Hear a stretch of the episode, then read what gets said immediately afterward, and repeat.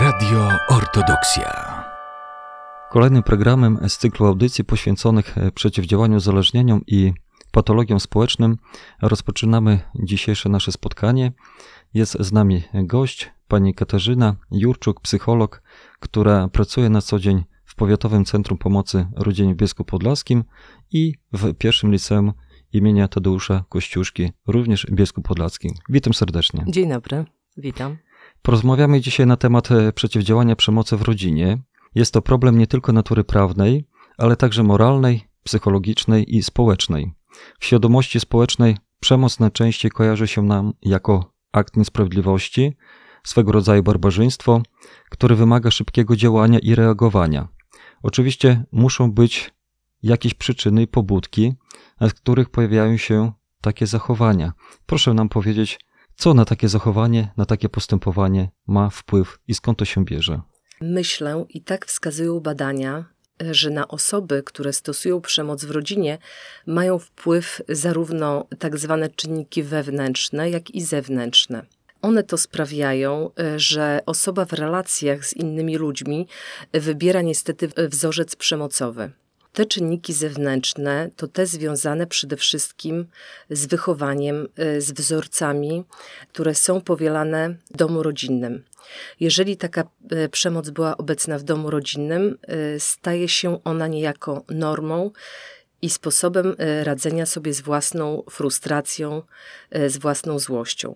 Czasem stosowanie przemocy jest też związane z tak zwaną tożsamością męską.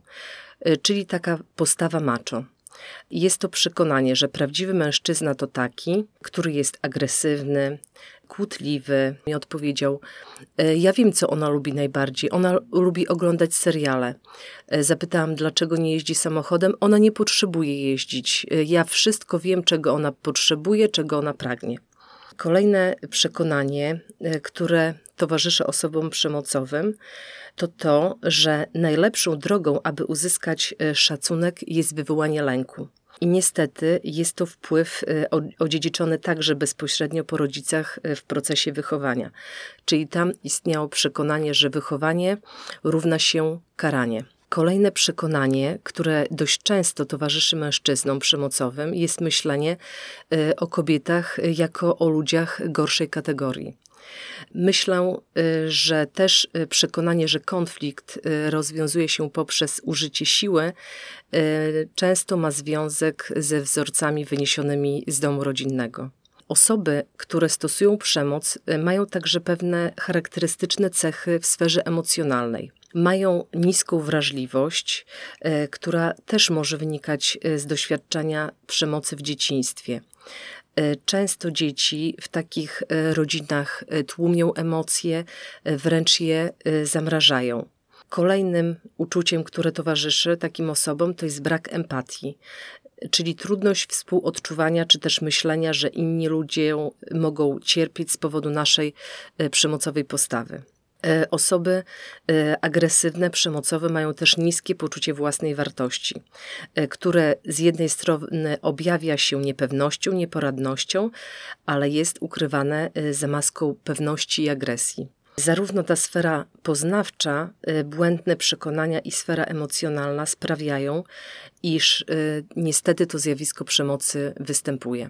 Ja jeszcze bym e, chciał zapytać e, przy okazji, jak temu przeciwdziałać? To znaczy, pani powiedziała tutaj, że tak naprawdę wszystko to wynosimy z dzieciństwa, z domu naszego rodzinnego. Byliśmy świadkami e, albo też doświadczyliśmy bezpośrednio takich przykrych sytuacji. Czy jest coś, co może spowodować, że przejdziemy krok dalej, zostawimy to raz na zawsze za sobą, czy to ciągle się ciągnie i ciągnie aż do końca za nami, to właśnie nasza no, przeszłość, to dzieciństwo, jak to jest? Czy możemy zostawić to raz na zawsze za sobą? Czy to się ciągnie przez całe życie do końca za nami? Odpowiedź na to pytanie niestety nie jest prosta, y, ponieważ tak jak wcześniej wspomniałam, na to zjawisko przemocy mają wpływ te czynniki zewnętrzne, związane z wychowaniem, z doświadczeniami z domu rodzinnego, ale też te czynniki wewnętrzne y, związane z naszymi przekonaniami, sądami czy też emocje. te zmiany mogą być y, bardzo trudne, aczkolwiek możliwe.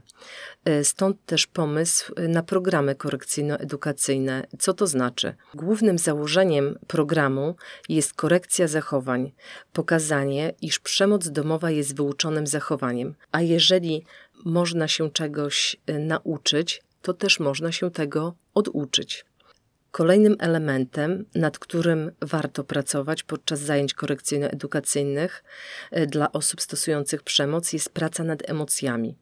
Jeżeli uświadomimy sprawcom, co oni przeżywają, jakie uczucia mogły im towarzyszyć, spróbujemy wzbudzić empatię, e, pokazując perspektywę ofiary, co ona mogła czuć, jakie emocje przeżywać, to jest szansa na to, że dojdzie do autorefleksji i sprawca w lepszy sposób poradzi sobie z własną złością, frustracją. Ważnym także elementem tych programów y, są treningi kontroli złości, y, gdzie uczymy najprostszych y, sposobów radzenia sobie ze złością, frustracją, negatywnymi emocjami. Jestem optymistką, to znaczy pewnie gdybym nie wierzyła w możliwość e, zmiany u ludzi, e, to nie byłabym psychologiem i nie prowadziłabym takich programów. E, dlatego też zapraszam osoby nieradzące sobie z negatywnymi emocjami i przejawiające zachowania przemocowe wobec najbliższych do zgłaszania się do Powiatowego Centrum Pomocy Rodzinie w Bielsku Podlaskim celem udziału w takim programie do jakich instytucji, do jakich organizacji, które typowo tym się zajmują, możemy, a wręcz powinniśmy się e, zgłosić i poprosić o taką pomoc? To znaczy, przede wszystkim w sytuacji, gdy doświadczamy przemocy, warto y, zadzwonić y, na policję, na numer 112. To jest pierwsza rzecz, gdzie powinniśmy y, o tym fakcie poinformować. Możemy też na przykład zadzwonić bądź też udać się do Powiatowego Centrum Pomocy Rodzinie w Bielsku Podlaskim, jeżeli mówimy tutaj o, o naszym y, regionie. Przy MOPSach, przy GOPSach, czyli przy miejskich ośrodkach pomocy społecznej i przy gminnych ośrodkach pomocy społecznej y, działają grupy robocze, do których można również się udać i poinformować, że jakiego rodzaju zachowań niewłaściwych, przemocowych doświadczamy. I to są właśnie instytucje, gdzie przede wszystkim możemy się zgłosić. Natomiast dużo osób, tak jak wynika z danych, korzysta z tych telefonów zaufania, ponieważ jesteśmy tam anonimowi, najszybciej dotrzemy do tego rodzaju y, informacji y, i uzyskamy tam też niezbędną pomoc, ponieważ oni mają wykaz instytucji, które działają na terenie każdego y, powiatu, każdego miasta. A co zrobić e, w przypadku, kiedy jesteśmy świadkami takiej przemocy? Dana osoba, która jest poszkodowana, nie zgłasza tego problemu, nigdzie nie szuka jak gdyby pomocy, na pewno są jakieś pobudki ku temu, to kogo możemy wtedy i powinniśmy i czy możemy w ogóle my, jako prawda nie bezpośrednio związani z tą osobą, e, poinformować e, czy policję, czy jakąś inną instytucję, o którą pani mówiła, czy tak reagować trzeba, można, powinniśmy, czy też nie? Jak to wygląda? To też jest dość trudne pytanie, e, dlatego że tak naprawdę e, przyczyny, pobudki, e, o których Baciuszka wspomniał, dla których osoba nie zgłasza tego problemu związanego z przemocą, są wieloaspektowe, ponieważ na pewno ofiary ponoszą konsekwencje bezpośrednie, krótkotrwałe i natychmiastowe, które są zauważalne przez otoczenie czyli te siniaki, na przykład zadrapania, złamania, na pewno taka ofiara przemocy reaguje w sposób y, bezpośredni na akty zachowań agresywnych poprzez płacz, krzyk, uciekanie z domu. Natomiast nie możemy zapominać o takich skutkach y, długotrwałych, które no niestety im dłużej dana osoba trwa w związku przemocowym, tym te skutki są trudniejsze do zauważenia. Do najczęstszych z nich należy tak zwana wyuczona bezradność. Jest to taki rodzaj biernego znoszenia zachowań krzywdzących. E, mimo, że z jednej strony ofiara ma, ma świadomość, wie, że te zachowania są niewłaściwe, e, są niezgodne z prawem, jednak ma przekonanie, że nikt jej nie uwierzy, że cokolwiek by zrobiła, to i tak to nie ma sensu, że nikt jej nie pomoże, że nie ma też jakby możliwości, aby uniknąć przemocy. Kolejny taki efekt y, psychologicznej pułapki, w którą wpadają ofiary przemocy, y, to jest nieumiejętność zmiany strategii, albo nieumiejętność powstrzymania się od działań, które ją poniekąd wyczerpują. Takie osoby mają często poczucie winy i też czują się odpowiedzialne za zaistniałą sytuację. Co to znaczy? Uważają, że to, że mężczyzna je źle traktuje, to w pewien sposób one są temu winne, one y, prowokują tego mężczyznę.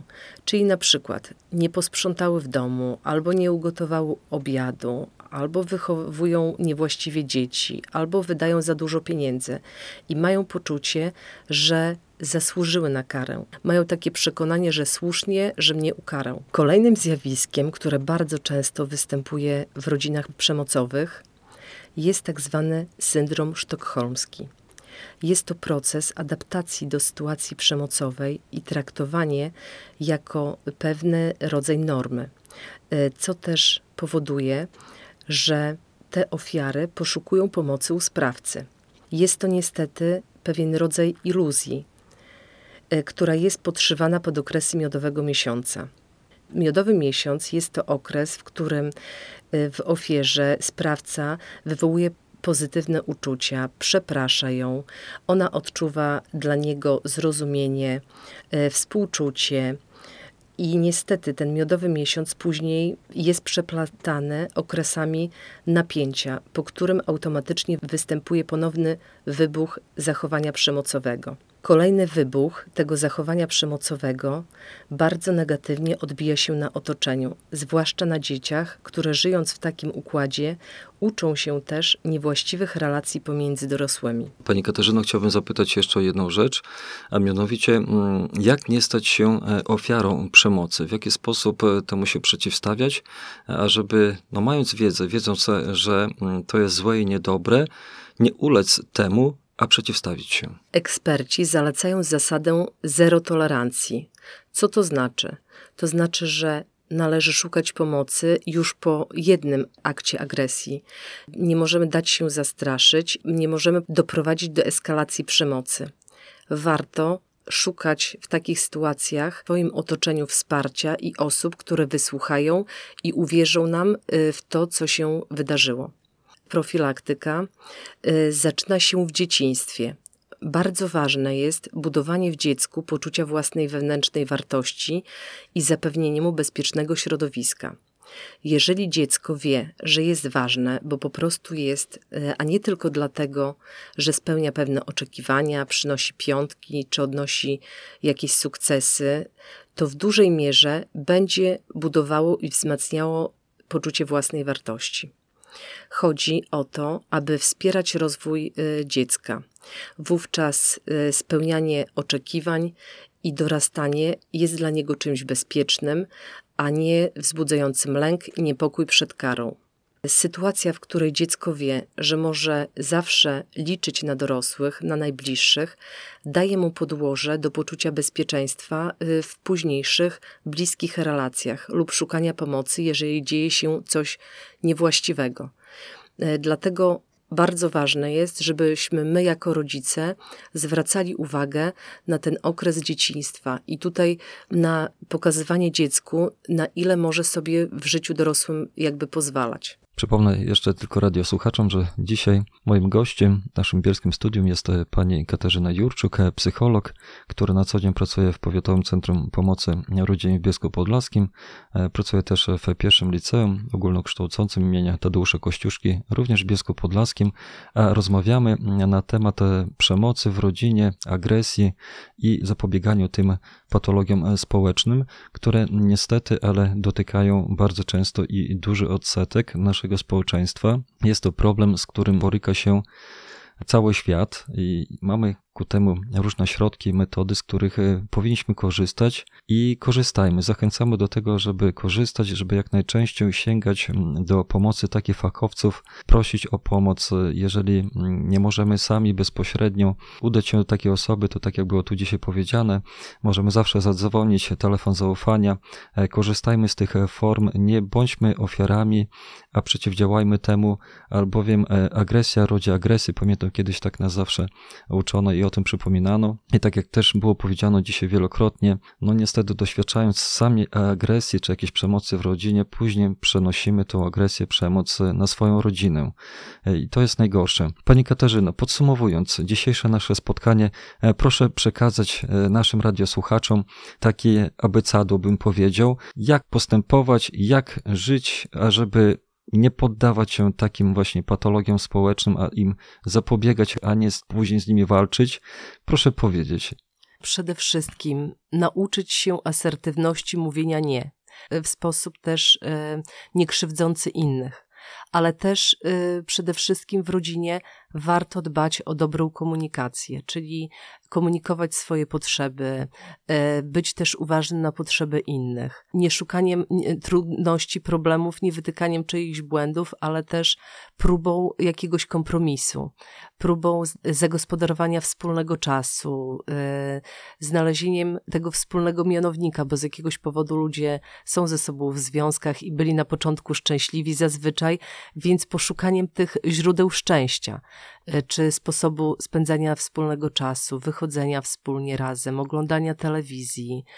E, I mówię, i przede wszystkim e, dbania o siebie, okazywania sobie miłości, czułości i zainteresowania. To myślę, że to jest przede wszystkim bardzo ważne. Zachęcamy wszystkich radiosłuchaczy do tego, żeby właśnie okazywać jak najwięcej miłości, serdeczności, dobroci, a dzisiaj tak nam tego bardzo brakuje. Takiej zwykłej normalności, bym powiedział, nic ponadto, a jak często nawet tego e, jest brak. Dlatego też życzymy z głębi serca wszystkim, żeby w naszych domach gościło dużo ciepła rodzinnego, dużo zrozumienia, żebyśmy, tak jak pani e, psycholog powiedziała przed chwilą, e, rozmawiali, jak najwięcej sobą rozmawiali, potrafili też powiedzieć nie, kiedy nam coś nie pasuje, kiedy jest to no, nie tak, jak powinno wyglądać, e, ale też rozmawiać. Dużo mi się wydaje, że też rodzi się takich konfliktów z tego, że dusimy w sobie wiele rzeczy, o tym nie mówimy, problem narasta, bo on ciągle jest, chociaż o tym nie mówimy głośno, głośno, ale to nie znaczy, że jego nie ma. I w pewnym momencie, no niestety, ale wybucha, dochodzi właśnie do konfliktu i, no i później jest tak, jak, jak jest. E, także rozmawiajmy. Rozmawiajmy jak najwięcej ze sobą. Niech to będą nawet trudne rozmowy, ciężkie czasami, mm, ale powiedzieć, co mam do powiedzenia, co mi nie pasuje, co pasuje, co bym chciał zmienić, jak bym chciał, żeby ten model życia naszego rodzinnego wyglądał, e, a na pewno będzie mniej takich sytuacji trudnych, niepotrzebnych e, e, i tych konfliktów, a tym bardziej sięgania do takich właśnie już skrajnych rzeczy, jakim jest przemoc, e, agresja. Pani Katarzyno, ja z głębi serca dziękuję Wam za poświęcony czas, za to, że przyjęliście moje zaproszenie, że mogliśmy dzisiaj w naszym bielskim studiu nagrań e, Radio Ortodoksja mm, zrobić tą audycję, która uważam, że posłuży na pewno dla wielu e, osób, które nas dzisiaj słyszą i które mogą później odsłuchać też drogą internetową, jako bardzo taka pomocna wskazówka, porada ku temu, ażeby żeby no, walczyć z tym, czego nie powinno mieć miejsca i przeciwdziałać, a zarazem może tak żyć, ażeby do takiej sytuacji nie dopuścić. Dziękuję Wam bardzo. Dziękuję również bardzo. Radio Ortodoksja.